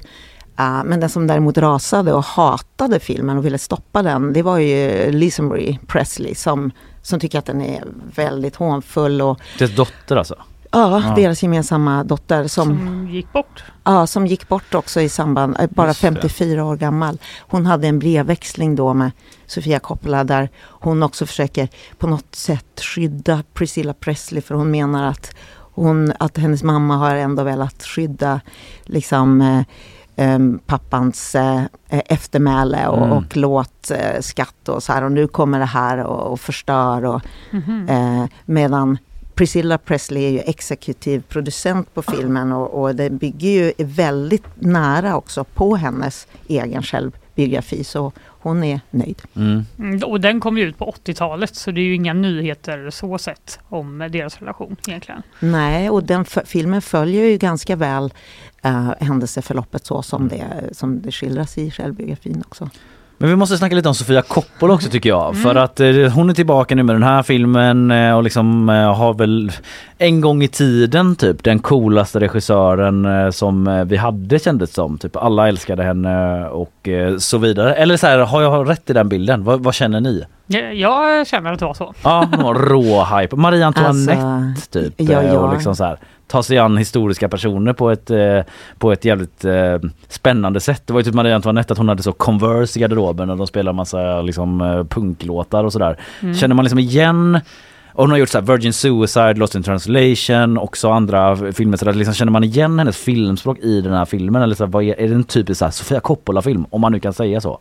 Absolut. Alltså ja, man kan säga att det är en typisk Sofia Coppola-film, verkligen. Och jag tycker fortfarande att hon är bland de coolaste regissörerna. Det har liksom inte riktigt ändrats. Och, eh, det är roligt att du tar upp eh, Marie Antoinette, för hon var ju också 14 år då när den filmen börjar. Så att Ah. hon har ju det här liksom att hon hela Mm. tiden återvänder till de här unga tonåren och, och liksom till den gärna men, menta, mentala platsen. När man är en ung tonåring, vad kan hända? Jag, jag skulle säga i stilen är den här filmen mer lik en av hennes allra bästa filmer som heter De bedragna, som kom 2017. Men liksom, det, det, handlar liksom om det här oerhört snäva utrymmet man har och vad, vad man kan, om man bryter sig loss. Som, hon gjorde en annan eh, film också som heter The Bling eh, Ring som Just handlar det. om eh, tonårstjejer som bryts sig in i lyxvillor och, och det var också byggt på något eh, riktigt kriminalfall. Mm. Och, Men det är mycket det här, alltså också unga människor i relation till typ eh, lyx Ja. och sådär också. Och Liksom, Exakt. också någon sorts så dekadens i det här lyxlivet och så. Exakt, Ja. och här kommer ju alltihopa det tillbaka i den här otroliga lyxen och vräkigheten och dekadensen i Elvis Presleys närhet. Mm. Där hon får allt det här det perfekta livet på ytan men hon får liksom bara tomhet Mm. inuti. Mm. Och han liksom bygger upp henne, allting. Hon får inte ens bestämma vad hon ska ha för hårfärg eller vad hon ska ha för kläder, Ja. färg på kläderna, ingenting. Nej. Hur många fyra blir det då? Ja, det blir fyra fyra för den Fyra här. starka. Det Ja. är ändå det är starkt. Den har premiär imorgon alltså, ska vi säga också. För de som eh, känner att de vill boka en eh, biodate nu i eh, helgen. Eller hur? Det kanske- Inspirerad av Kalleberg. Precis, kanske är läge för det. Mm.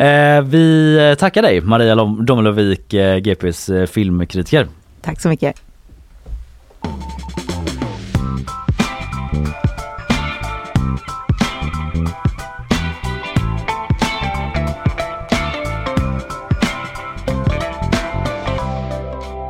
Ja, lite eh, god extra info från Maria när hon är på väg ut här. Hon har Mm. själv varit på Graceland då, eh, eh, även om det var ett tag sedan, men liksom att eh, det är så jävla speciellt ställe och så här svinlånga köer till alla de här rummen och att Elvis liksom okända tvillingbror? Visste jag Frågetecken. inte. What? Inte jag heller. Nej. Ligger begravd där. Eh, på, någon på något lämpligt sätt får jag väl utgå från. Ja, utgå Här ligger en tvillingbror begraven. Du, eh, vi tar väl lite fler nyheter va? Ja, det får vi göra. Islands statsminister har skrivit en deckare.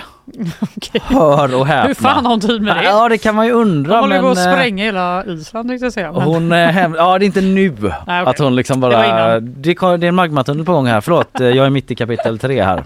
Jag försöker liksom hitta kärnan i min berättelse. Nej utan... Handlar eh, det om någon magmatunnel som är... Nej, en kriminalroman som heter Reykjavik. och eh, den ska hon ha skrivit under pandemin. Ah. Hon berättar att eh, hon, eh, liksom allting förändrades i hennes liv då när det var pandemin och då bestämde hon sig tillsammans med deckarförfattaren Ragnar Jonasson att eh, försöka skriva den här boken på kvällarna då. Okej. Eh, när någon annan skulle varit på möten och gjort saker som inte var tillåtna under pandemin. Vad det nu varit, jag vet inte, gått på bio, festat som fan. Festat och supit. Ja, men eh, möten kunde man väl ha ändå i och för sig. Eller? Ja, jag vet inte vad de hade för regler börjar jag fundera på där. Ja men jag menar så här, jag var ju en hel del på Zoom och Ja, ja, Teams Zoom, och ja. allt sånt där. Ja, det kunde man ju ja. I alla fall, eh, hon har skrivit den här boken, eh, den är ute nu och eh, alltså de, de hänvisar till att så här, det om man nu tycker det är lite konstigt, alltså om Ulf Kristersson kom ut imorgon och bara här är min nya deckare. Stockholm. Ja, Stockholm Stockholm heter den. den utspelar sig i Stockholm nämligen. Och jag har skrivit den tillsammans med Camilla Läckberg. Typ. Ja, Eller sen någon annan känd deckare. eh, en jävla nyhet va? Då hade ju folk tyckt eh, så här, hallå Ulf, han bara jag skrev den under pandemin. Jag bara, men ja, men vad då då? Mm. Men då menar de på att på Island så finns det liksom, det finns en, en väldigt stark eh, skrivarkultur då. Okej. Att liksom, eh, det, det, det finns sorts uttryck som är så här att all, varenda islänning har, bär åtminstone en bok i sitt hjärta, säger Katrin Jakobsdottir. Men vad fint! Ja, som alltså är Islands statsminister, Katrin Jakobsdottir. Och eh, att eh, ungefär var tionde islänning får en bok publicerad under sin livstid. Och räknat per invånare trycker de fler böcker än något annat land i världen. Wow! Ja, hon pratar lite om det här. Eh, så här låter det. So, you know, in the Middle Ages, when Iceland Förlåt, jag börjar om för att först är det han medförfattaren och sen kommer hon in och Ah, pratar okej, så man bara ja. vet vem det är som Ja, pratar. Så först är det han. So, you know, in the Middle Ages, when Iceland was just a new place, basically, and what the people did then, which was very unusual, was to write books, which became the Icelandic sagas. not just the Icelandic sagas, but the sagas of the kings of Norway. All sorts of different genres of sagas have really made up this kind of core in our culture.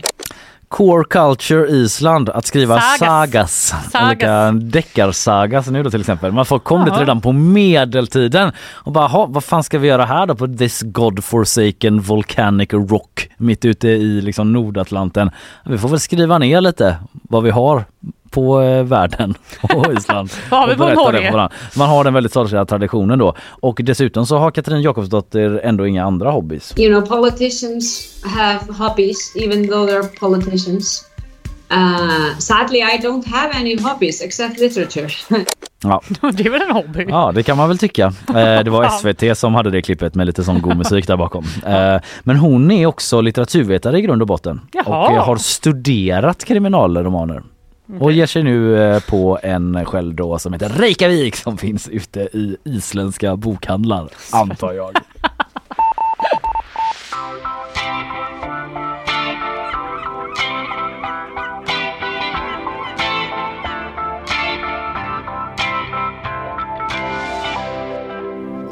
Är du redo för den nya svenska öltrenden?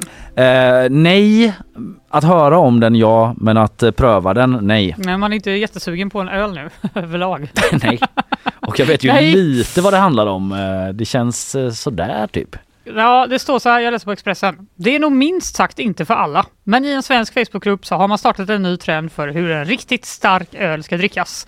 Jag trodde det var ett skämt först, säger Joel Gustafsson som nyligen har testat att göra det här då. Öldrickarna får nu stöd av Edvard Blom.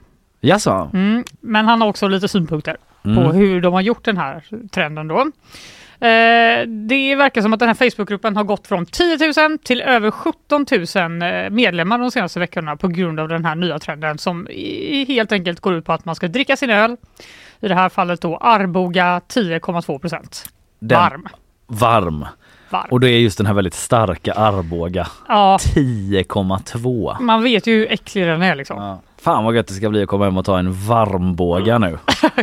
Man hade ju det heter. Stupat direkt. Alltså, jag, jag vet inte hur långt man hade klarat innan man hade Alltså, däckat Jag sönder. har druckit en eh, sån där Arboga stark en gång i en eh, alldeles eh, för eh, orutinerad ålder liksom i början av min alkoholkarriär. Och eh, utan att gå in på detaljer så slutade det inget bra. det var liksom inget jag ville pröva igen och den Nej. kan jag säga, det var nog en varmbåga. Det var en För varmbåga. det drack man inte i miljöer där man liksom hade tillgång till i kyl. Nej nödvändigtvis. precis, det är ju det man kanske förknippar varm öl med. Men det här går liksom ut med på att det är inte bara att du inte har en kyl utan du ska aktivt värma upp ölen på spisen. På spisen till och med? Eh, ja, den ultimata temperaturen uppges vara exakt 55 grader även om åsikterna går isär. Jaha. Eh, jag trodde först att det var ett skämt eftersom öl alltid ska drickas kall. Och jag blev nyfiken på vad det var för något. Eh, troligtvis bara folk som älskar äcklig Arboga skriver Joel Gustafsson då från Örebro. Mm. Ja för det låter ju lite som en sån eh, att man liksom koketterar med sunkighet. Exakt. Typ sådana som typ jag älskar sunkkak. Typ. Jag älskar Silverkällan, så himla god mat. Ja exakt. Bara, bara- nej det är Alla inte bara, det. ja, ja, vi fattar. Vi fattar vilken man typ kan av tycka olika om Silverkällan, vi behöver inte hänga ut dem men eh, Nej, ja, men det är ett sunkkak Ja. och eh, man kan äta det. det kan man säga. Mm. Eh, han, eh, Joel Gustafsson då, han skred i alla fall till verket tillsammans med en kompis och eh, förklarade då för Expressen hur man gör. Mm. Man ska ta en eh, öl, den ska vara rumstempererad innan då och Mm. då ska du lägga den i ett vattenbad i en kastrull. Okej. Med, Eh, i- med burken alltså? Burken, Lägger du i? Ja. men det är viktigt att du öppnar burken då, för annars exploderar ölen.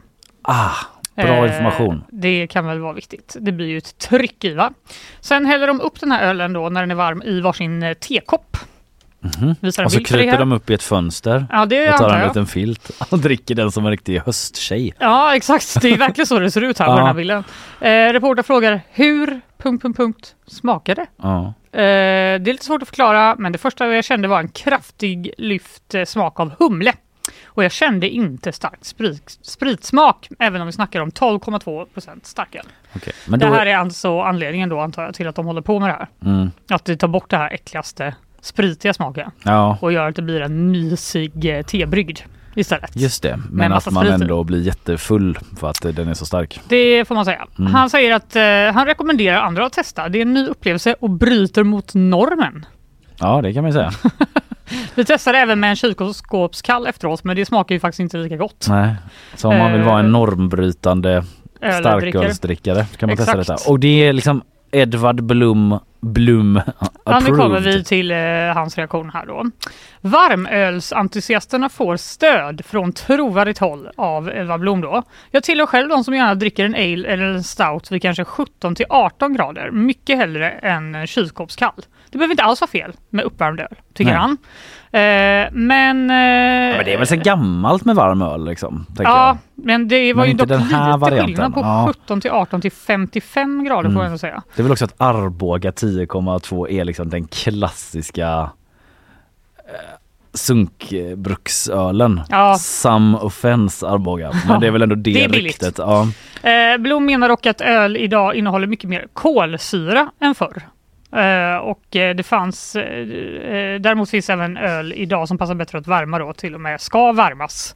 Eh, men för lite starkare och matigare öl passar eh, bättre, tycker Mm. han, än svagare öl. Till exempel 10 procent. Mm. Men jag skulle uppskatta att eh, man ska vispa bort kolsyra. För den tycker han inte blir så god.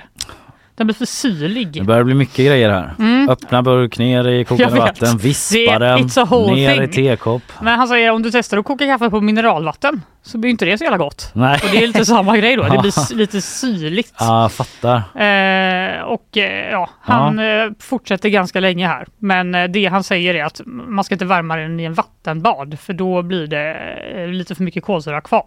Mm, okej. Jag skulle hellre ha den i en öppen kastrull och vispa runt då.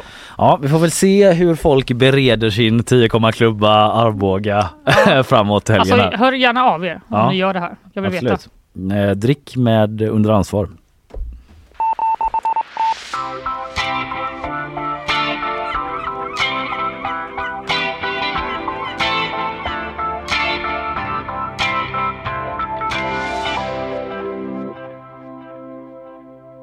Fanny SD, Sverigedemokraterna, de gick ut med en dementi igår. Ja, De sa nej! Jimmy Åkesson blev inte uppläxad av Ulf Kristersson.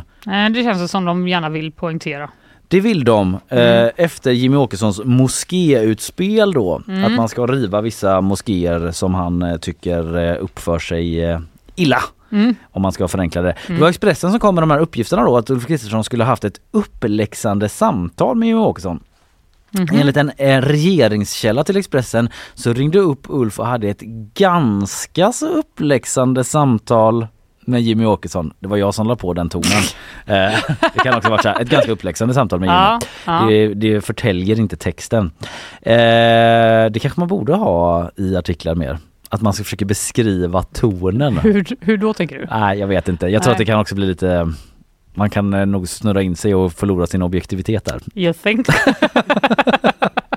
Ja backa på den idén. Ja, vad bra. Eh, men det säger i alla fall en regeringskälla och att även om liksom Tidö-samarbetet inte är hotat så är det ändå lite av en kris för Tidö-gänget med det här eh, kraftfulla moskéutspelet som Jimmie Åkesson ändå stod för då. Mm. Och eh, men SD var som sagt ute igår då och var så nej nej nej så var det inte. Nej. Nobody puts Jimmy in the corner. Yes. Och eh, dylikt översitteri skulle få följden att relationen skulle vara permanent skadad. Hälsar Jimmie Åkessons eh, stabschef Linus Bylund. Oh, Okej, Så, eh, det hälsar han ja. Ja det hälsar han och han Mm. säger att så här, i vanliga fall så brukar inte vi berätta vilka samtal Jimmie Åkesson har. Nej. Det håller vi för oss själva faktiskt. Okej. Men i det här fallet så finns det skäl att kommentera det. För att vi skulle aldrig acceptera ett sånt samtal. Oj! Ja, de är så här, i Wow! vanliga fall säger vi ingenting. Men liksom om vårt namn är ute på gatan typ. Och vi Ja, blir vi ska liksom, inte tro vi är några pussis. Nej exakt, de visar inte oss den respekten vi förtjänar. Då måste vi speak out på den. liksom, och säga det här, this will not stand. Kan det här bli en ny politisk trend att man berättar Ja. vad man inte har haft för samtal? Exakt. Det är ingen som har sagt till oss och lugna oss och eh, bara skärpa oss. Det där är en ton du skulle beskriva i en text. My name is on the street. My name is my name. Som Linus Bylund brukar säga. Ja, och eh, en karaktär i The Wire, Marlowe. Skitsamma. SD är tydligen eh, så, eh, ja, ingen, inte ens statsministern, läxar upp våran Jimmy. Nej. You heard.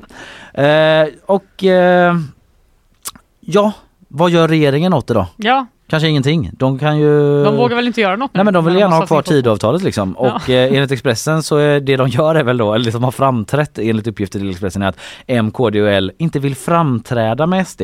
De vill inte synas med dem på presskonferenser. I alla fall inte just nu. Så en liten markering då att de eh, tänker, Stark, stark markering. tänker fan inte hänga med dem nu. Jag tänker Nej. fan inte liksom att någon ser mig med dem. De är så jävla dumma i huvudet. Vi vågar inte säga det till dem, men de fattar väl det själva om vi inte dyker upp. Ja, men SD säger bara att de tycker det är bra att de här reaktionerna kommer. Effekten blir att vi utmärker oss. Vi vågar säga det som vi tror på och att utspelet ändå bara var en strategi för att öka konflikten med Socialdemokraterna säger källan. Uh, Så ni har blivit served av SD som vanligt playar de alla Ja, om man ska tro dem verkligen. själva då. De skiter i om ingen vill synas med dem på bild.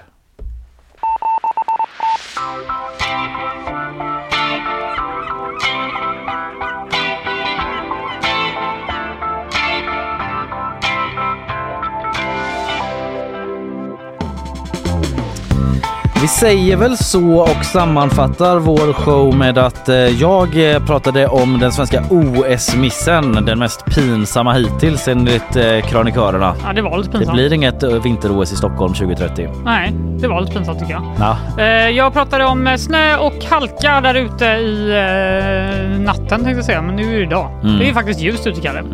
Men det är fortsatt kallt de kommande tio dagarna. Vi fick de bästa tipsen också för att klara bilköerna. Ja, ta med en filt och en termos Ja. med korvar i Slut. om man är Kalleberg i alla fall. Ja, precis. Eller kaffe om man är Valdemik. Ja, eh, sen pratade vi också om att eh, europeer, unga europeer köper mer fejkade märkesvaror.